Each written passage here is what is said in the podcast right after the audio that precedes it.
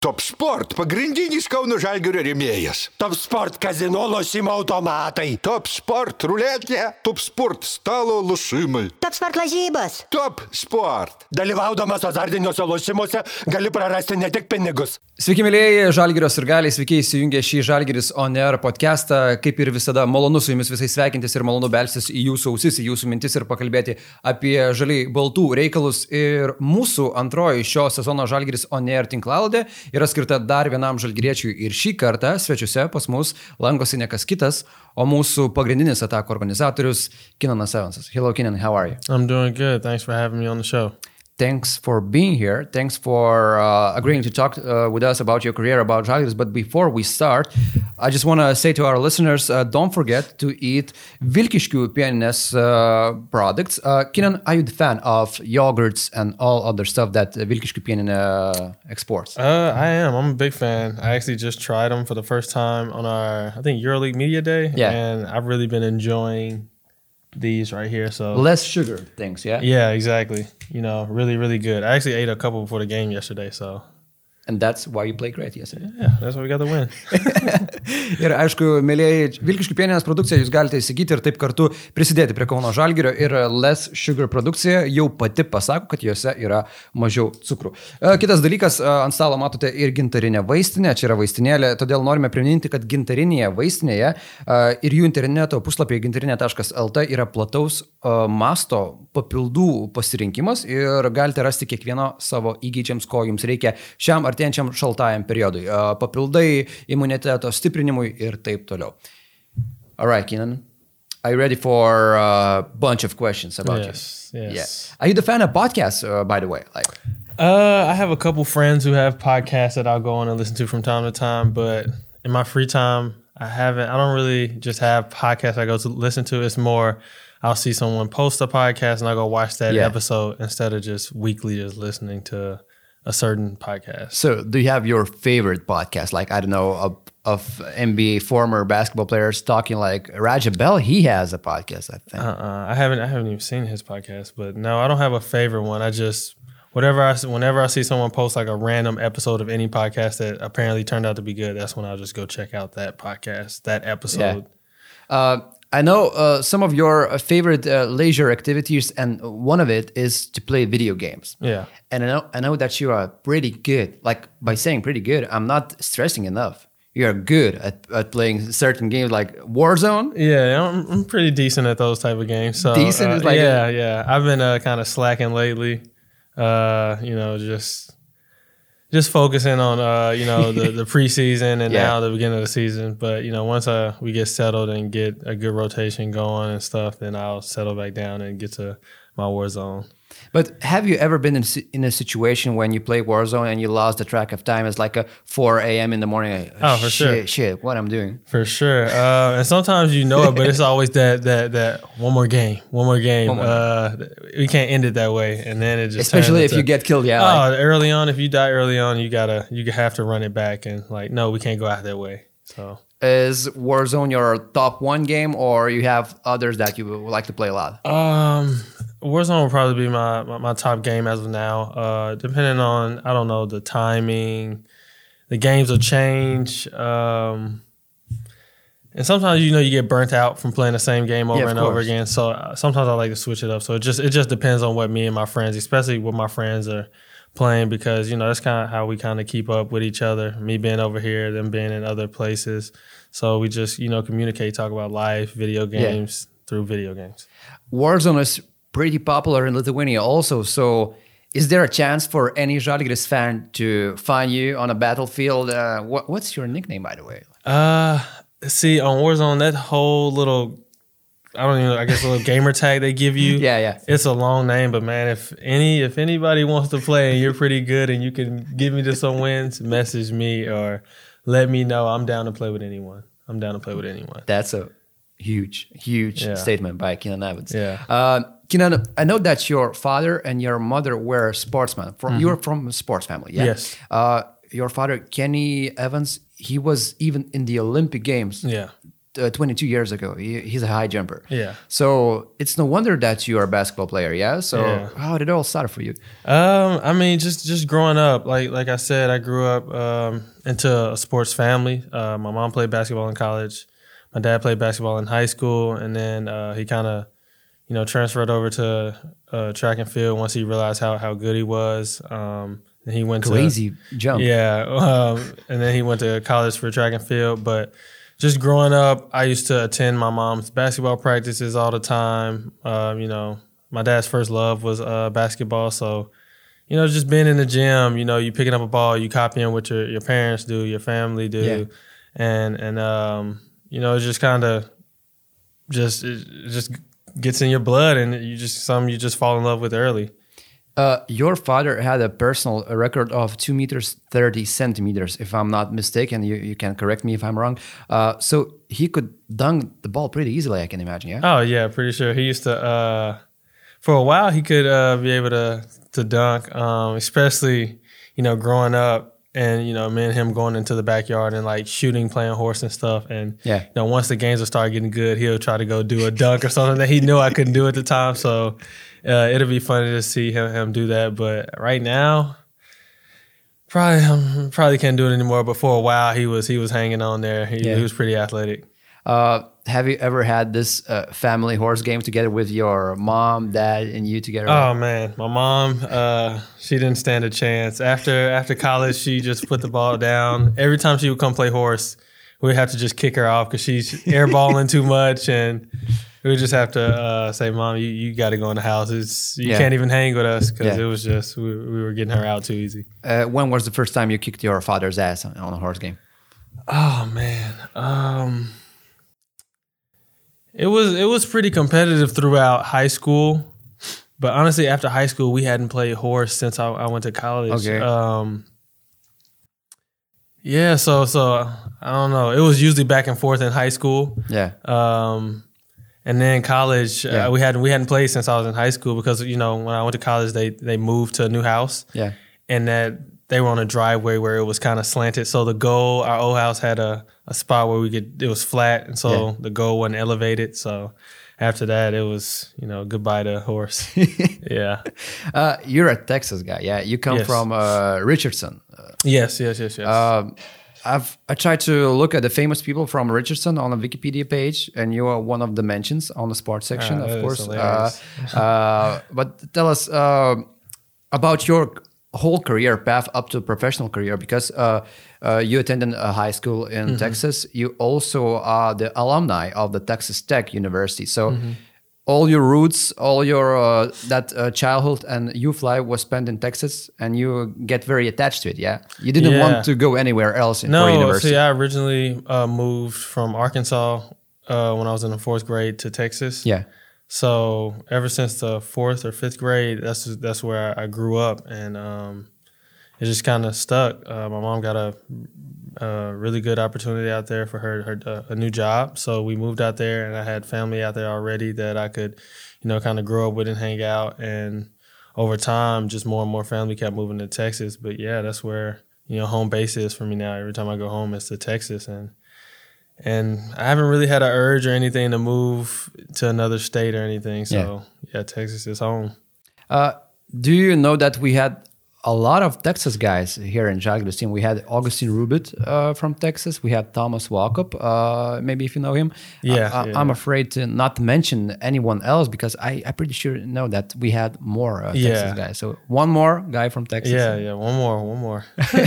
Um, did you already know in the high school years that you're going to be a professional basketball player? Was it predetermined at that time, I or mean, you weren't sure? You know, at that time, you fall in love with a sport, Yeah. and you know, growing up, you watch the NBA, um, and at you know, at such a young age, I mean, now is is really different. But you know, for me, EuroLeague and like Europe wasn't really televised for me to like really grow up knowing and figuring out how it's going on. So you know, you grow up watching the NBA, you grow up watching college, and you're like, man, I want to be a professional, man. You know, this is that, and it's it's you know already like you know like I'm going to college. I really want to make money from this. Especially you see contracts uh, growing up. You're like, man, I want to make that amount of money Yeah. doing something I love. So, you know, uh, you know, about through high school, into high school, you're like, I want to be a pro. Like I want to, I want to, I want to do that. And then Yeah. once you get to college, you're like, this is it. Like these four years, these, you know, this has to be a grind to to get where I want to go. Were you a star in a high school, like a basketball player playing for your high school team, or it wasn't the case at that time? Um, I would say more on to my senior years when I kind of started getting recognition. Um, before that, I had some really talented guys on my team as well. So, um, you know, I was kind of playing behind them, Yeah. and you know, I just had to work my way up through the ranks. And then, you know, when they graduated, me and my class came in, and I was kind of the leader of that the the, the new school that um, you know they came in for our last year of high school. So that was the moment when you got a star treatment in the school, yeah. Yeah, yeah, yeah. From teachers, friends, everything. Yeah. Like signing signing shirts. Signing? uh, maybe. I think towards the end of my my senior year, um, when I'm about to head off to school, teachers ask like, "Hey, can you sign this for me?" And especially like one of my favorite teachers, she graduated from my school. you can give her a shout out. Yeah, uh, Ashley McDaniel. Uh, that's one of my, my. I hated math before I met her, and she, you know, changed my life when it came to math, and you know, but she's a counselor She now. made you understand math. Yes. Uh, oh my gosh. She- That's she- big. Yeah, she's a genius, and I, I still hate math to this day. But when she was teaching it, uh, she made it so easy. But um, yeah, so she, me and her have that. Uh, I have a great relationship with her family because she graduated from Tech, so she would come watch me in um, basketball games. I would visit her, her family. They would, you know, make right. me home cooked meals because they her her family still lived in my college town. So it was it was really nice, and I really appreciated them. That's very nice. Yeah. Uh, after you graduated from the high school, how many uh, offers did you get on the table? Uh, besides, of course, Texas State offers, but Texas, Texas we Tech, have yeah. we have Texas Tech. Yeah. You also have Texas A and M, a big. Yeah, oh man, so many Texas schools. Uh, Yeah. But yeah, Texas Tech. Uh, besides them, total offers, man, that's so hard to remember. That's such a long time ago. Uh, probably say about ten to twelve because I kind of I kind of committed like pretty early my senior year. Um, and once I started playing better, um, that's like I said, that's when I started really getting a lot of Yeah. recognition. Um, my senior year, more colleges started to come, but I'm like, I'm already, I'm already Yeah. committed. Like I can't, you know, I'm not, I'm not changing my decision or Yeah. anything. So it was already, you know, made at that point that I had probably a good solid ten to twelve offers at that point in time. The biggest motivation of choosing Texas Tech, what was it? Um, probably would have to be my family being close enough to be able to drive and come see me play, and we would play in cities that were closer to home, so the drive wouldn't be as far for them. All right. Uh, and the four years you've spent in Texas Tech, uh, I've seen your stats, and uh, going to the final year, your stats were getting better and better. Mm-hmm. Uh, of course, you were getting uh, more exposure, more more that uh, shining light on you. Yeah. Uh, how sure, or I don't know, what's what would be the right formation of the question, but uh, how eager you were to play uh, in the NBA towards Mm-hmm. your final year, and uh, how did you think that it's going to be uh, crystallized after the university? Uh, it was it was it was great. Um, you know, heading into my my senior year, and you know, just improving every year.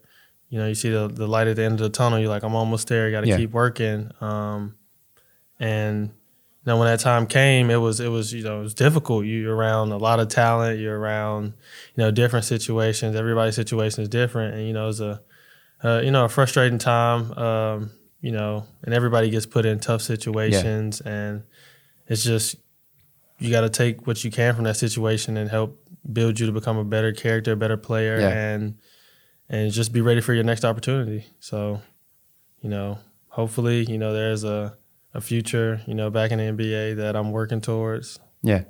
Uh, but seeing how, how the business is made uh, Mm-hmm. from a very uh, close uh, point of view, uh, seeing that kitchen, uh, how how everything is getting made, Mm-hmm. how uh, the draftees are getting into draft and so on. Uh, how can you describe this whole system of NBA of getting to the NBA?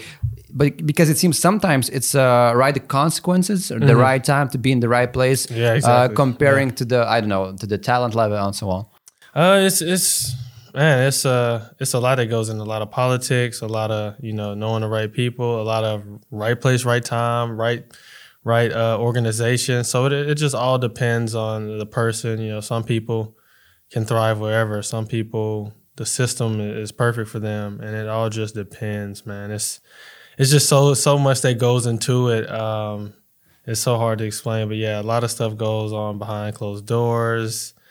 Uh, it, it's a lot, man. It's, it's it's truly a lot. It's you know it's it's much harder to uh, explain, and you know just you just seeing it with your own eyes. Yeah.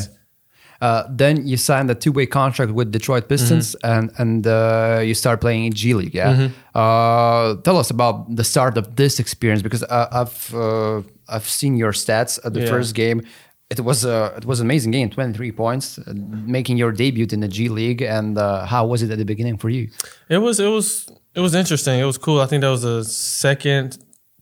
Uh, yeah, yeah. It was it was it was pretty cool. Uh, first game. Uh, I think that was the second year that they were doing two ways, so it was Yeah. still kind of a new thing. Um, you know, being up with the NBA team and then coming back down and you know playing with those guys. Um, you you know you getting to see a lot of players on TV that go to different colleges. They're like the man where they they went to school, and you all just on one team, and you know other teams in the G League. uh, You playing against guys just like you play in Europe. You're like, this guy can be in the NBA, man. This guy's really Yeah. good. So it was fun to get down there and just meet so many people because you know the G League is an interesting place. It's such a revolving door, um, in a way. So it was it was definitely a, a pretty fun experience.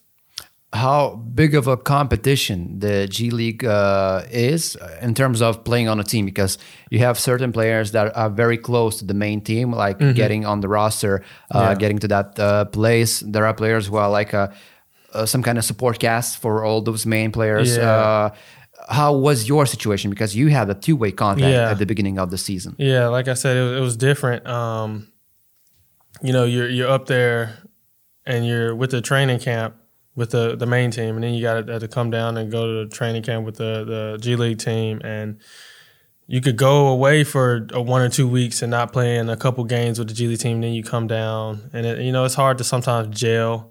Uh, because you're just up and down, and then sometimes the NBA Yeah. team can send you know their younger guys down and and and come you know develop their skills in the G League, Yeah. and so one game you could be getting 25 plus minutes, and then the next game you could be getting 10, depending on who the the the team sends down. So it's just all just a a revolving door, and it's just very interesting. But yeah, man, it was it was it was interesting. It was a really inter- uh, interesting situation. uh, were there any situation uh, in which you noticed that all right uh, we need to develop this guy so now he gets a lot of minutes and now he gets uh, the most minutes with the ball in his hands so we we need to make sure he's playing a lot and he's getting a lot of shots Oh yeah, for sure. Um, you know, like on every team, they kind of have their their favorites or guys they want to you know work on, and you know they put more trust in or they want to develop because they see a future. So yeah, some guys you see, uh, you know, they they can kind of shoot whatever shot they want, do whatever they want, and they won't get harassed as much. Uh, as the, the next guy who does Yeah. it, so it, it all just depends on your situation. uh, then you switched the G League teams you went to the Delaware uh, Mm-hmm. Yeah. and then your contract uh, was terminated with the Detroit Yeah, Pistons yeah yes. uh, at that point did you already know that the next season might be the shot in Europe uh, just to start uh, that window to get, of getting back to the NBA from the Europe Uh, no, I didn't. I didn't. I think at that time,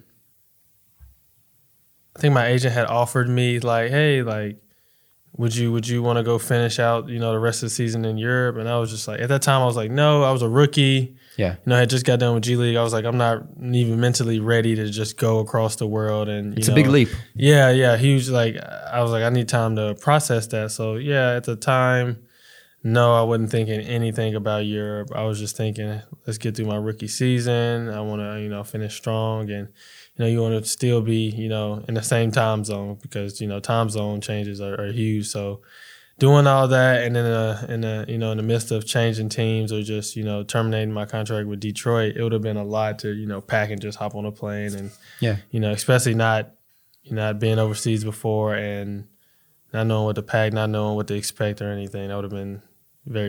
Top Sport pagrindinis Kauno Žalgirio rėmėjas. Top sport kazino lošimo automatai. Top Sport ruletė, Top Sport stalo lošimai. Top sport lažybos. Top Sport. Dalyvaudamas azartiniuose lošimuose gali prarasti ne tik pinigus. I'm uh, kind of jumping uh, to the topic of Lithuania right now because uh, I've counted how many players you played together in the G League season who played uh, in Lithuania uh, after they played in G League or before. Uh, so I've counted uh, Speedy Smith. Uh, we talked about Spe- Speedy Smith uh, on our first podcast when you signed with Žalgiris.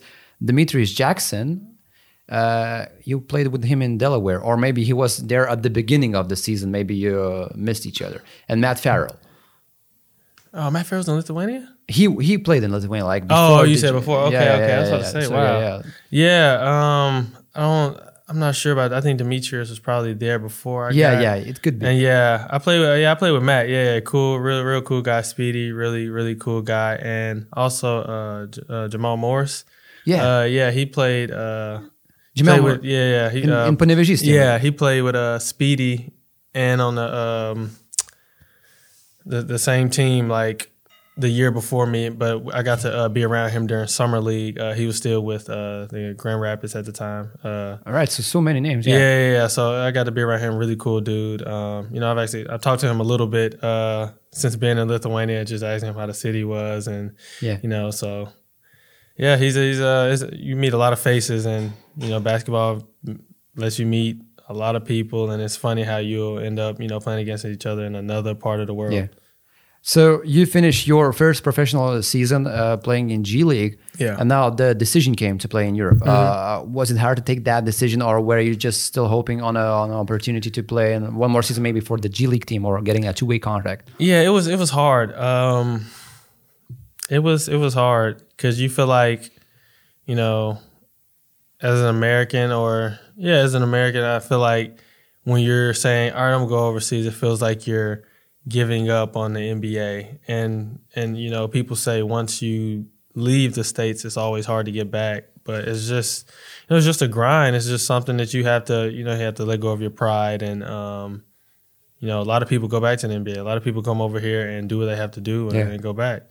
They say, you know, talent, film doesn't lie, and you know, there's a lot more scouts overseas, and you know, they see you anywhere now. So you just got to put your head down and go to work. But yes, at the time, it was a it was a hard decision. I was just like, man, um, this is this is huge. I've never been this far away from my family, let alone you know eight hours ahead of them. So Yeah. it was uh, it was different, and especially going to uh, Bosnia, it was it was very different. Uh, especially when I got there, I was just like you know culture shocked. Yeah. So I was you know Not many English speakers, yeah? no, not in the town I was in. No, it was you know Aleksandrovac in the town, yeah?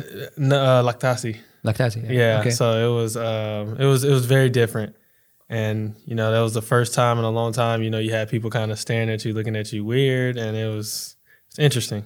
yeah. Yeah, Uh, and like you mentioned, uh, you started your professional uh, season in Igokea yeah, yes. Uh, you averaged around 11, 12 points. Mm-hmm. Uh, not many assists though. So how was that first experience of playing European style basketball? Where you where you put in the position that okay, we need you to be the team's leader, so go and uh, score as many points as you can, or was it a system that you put in place, and uh, how did that work? Um, when I got there, I honestly was at the two position. Like they brought me in, and I was like a shooting guard. yeah.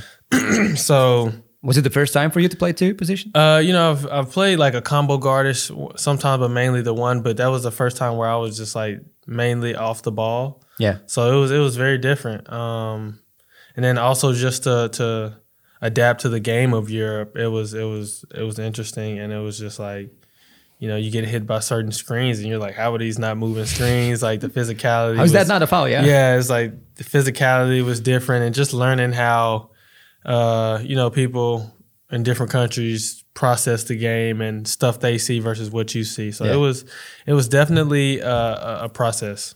Uh, was there a moment when uh, you got hit, and then after some games, you you told yourself, "Okay, if they're hitting me, I'm gonna Oh hit them." man, that was that didn't take long at all. At all. E- even in like you know the beginning of training camp. Yeah. Um, oh my god, man, it was certain screens that I was getting hit with that I'm like, all right, next time I see him stick his elbow, I'm about to break his shoulder. Like I'm Yeah. running through that screen. Um, I had that. Uh, yeah, yeah, I had that mentality. Like I'm about to, if like I'm getting hurt, he's about to feel pain too. So You know, uh, from talking to various players, uh, I've heard stories about them talking about their first experience in one country or another. Uh, was there an advice you got from your teammate in Igokea team or other teams at that time that they told you something about playing in Europe? Like, don't be afraid to do this and that. Just, just be brave, go on a court, and don't, don't care about the, those not uh, called fouls and so on. Uh, really, the at that time, the the only thing I got like advice was was just like the physicality. Like they're not about to call these fouls, so just be prepared for this. Um, other than that, it was just really kind of just like I was just kind of out there experiencing it because the, you know, I had um. Uh, one American on my team who had been overseas uh, before Dennis Clifford, and um, he he kind of you know would tell uh, you know me some stuff about other countries he's played in and the basketball over there, but you know for the most part it was just me just experiencing everything and learning everything for myself. But you survived that first year. Yeah, I did. Uh, you went to Haifa, yeah? Yeah, and you had way different experience in terms of uh, playing basketball. You were the one of the highest scoring in the Israeli league. Yeah. Uh, you you got the biggest PIR rating of the league in that season. Uh, tell us what was the case on that team? Why you suddenly become the the first uh, scoring machine in, in, in that Israeli league? um, different role, different situation. Um, I think I think a lot has to do with you know basketball is you know basketball is huge, but when you know there's not really much for someone off the court going on and stuff, it kind of it's it's kind of hard to you know be better on the court when it's, you're kind of struggling off the court. Yeah. Not saying I was struggling, but Israel was just such a much better, complete 180 from Bosnia. So you know I was with some Americans that I really liked, uh, some teammates that I really liked. It felt like a home. Um, you know, in Bosnia, I had some some good guys on my team, but you know, after practice, everybody just disappear. Uh, it's different when Yeah. and, and This wasn't the best experience for a rookie. yeah, yeah, no, not at all. And so in Israel, I was constantly going to people's uh, families' house for dinner, lunch, um, you know, and I'm still really cool with them today. Um, and it was just a different experience, uh, experience, and a lot more people spoke English in Israel. Like pretty much everybody spoke English. Off the court, it was much more to do. Um, you had a coach that really believed in you. And Bosnia, my coach didn't even speak English. Um, Oh. Yeah, so I had the players and the assistant coach translating for me. Um, and That's uh, already an obstacle. yeah, exactly. Um, and so, you know, you had a coach that believed in you, and him, he, you know, would really break down my my film, and he really helped me just like understand basketball, and it just slowed the game down even more. Um, you know, it's kind of frustrating because when I'd be looking at my film or you know seeing the things improve, I'm like, how did I not see this before? Like, how did I? How am I able to make these passes? How am I like these reads? Like, why couldn't I see this before? And it was just, it was just crazy. Him, um,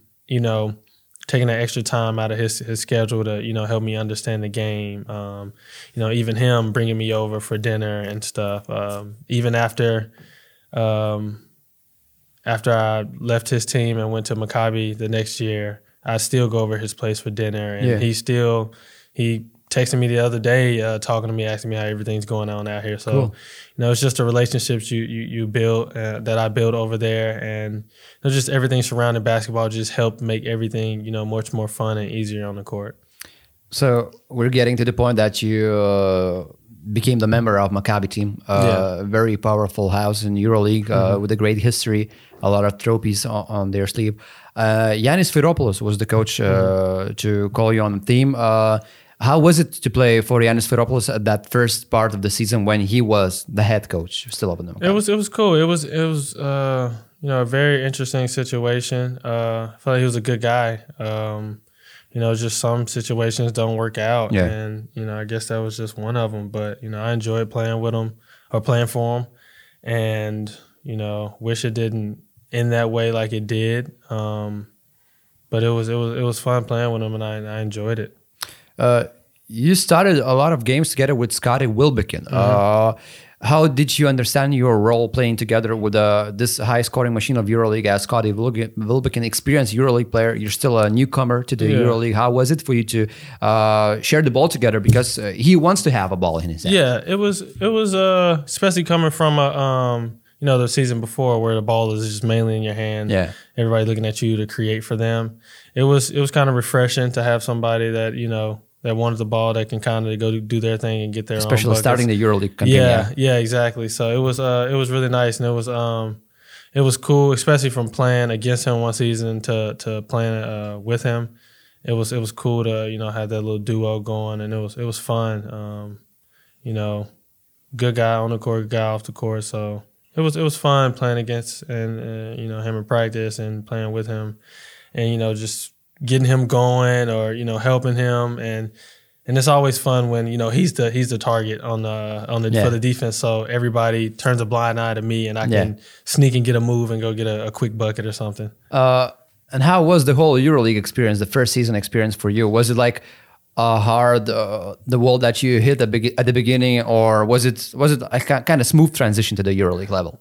Uh, it was it was amazing. Uh, I have so much fun in EuroLeague, man. I love like you know no matter winning or losing, I I love the talent that you know that's in the Euro League. It's so fun just playing against such great players. Um, and it was at the beginning it was it was tougher because you know everybody's still getting to know. We had went through a little COVID situation, so we didn't really get a preseason. Yeah. I think we had one preseason game, and then after that, it was just like COVID, COVID, COVID, COVID, and you know we basically had to keep restarting training camp over because we had to go sit in the house for a week, week and a half, and so it was it was very frustrating because you know you know me coming into Ru- uh, uh, EuroLeague as a rookie and me being surrounded by such great talent, I'm trying to figure out my role. Everybody's trying to figure out their role, so you know we you know had a little bump in the road at the beginning, and then you know we picked it up and then we ended up finishing fifth seed in uh, EuroLeague. So it was it was it was really fun.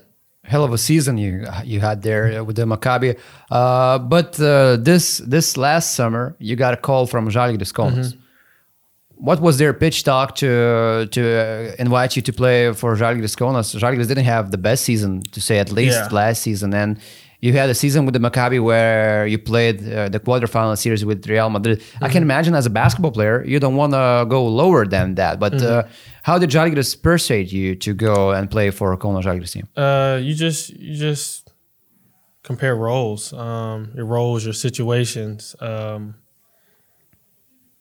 them them telling me my my, my role. Um, you know, you see the facilities, you see the culture they're building here, you see the history that they've already had here, Yeah. and you know, you just see, you just know that and, and trust in someone uh, that you know you you can help them get back to where they want to be. So them just instilling their their their trust in me to come in here and try to turn things around, and you know, just believing in me and you know, kind of just saying here, here's the keys. You lead this team. You know, we need you to be a captain as a point Yeah. guard, and you know that was that was big for me to hear that, and um, for yeah, for them to, to call me, and especially early on, um, you know, they I was kind of in contact with them the year the, the year before before I signed Maccabi, so just to see that they're still interested in me when I you know kind of turned them down, and they're still saying the same thing. Uh, so it, that was huge.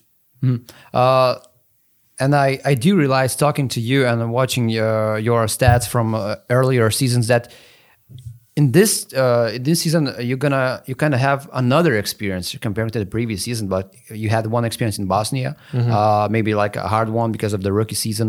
You had a, like a all scoring season in Haifa in Maccabi. You played together with Scotty Wilbekin. Now you have another uh, experience here with Žalgiris Kaunas, another role as you Yeah. mentioned. Uh, how how do you like uh, everything so far here with the role thing, with the team thing, and so on? It's cool, and you know, the thing about basketball and teams in general, um, it's not just a, a one day thing. Everything doesn't happen in one day. Um, it's a, a build up. So we're just taking it day by day. Everybody's learning each other. We're we're still getting better. Um, you know, had a kind of a sloppy first game, but you know, a win is a win, and we come back and get better and be ready for the next one. Um, but everything is, is good so far. I mean, good guys, good coaches. Um, feel like we're on the on the up. So I mean everything everything is good so far and we just got really take it day by day, man, because it, it all can't happen in one day. So we're just gelling and just working. All right, Keenan, we're done with the first part, uh, and we have a lot of questions from Žalgiris Insider. And before that, I want to give a shout out to our partners, uh, our partners Go3. Uh, Go3, mėlyjeji, jūs puikiai žinot, kas yra Go3. Go3 yra mūsų partneriai ir jie jums siūlo prenumeruoti Go3 platformą ir ten matyti uh, absoliučiai beveik visą įdomiausią krepšinį, Eurolygą, Ispanijos lygą ir kitas sporto šakas. Aišku, jeigu esate didelis sportos ir galius, jūs turite būti dalis uh, Go3 šeimos.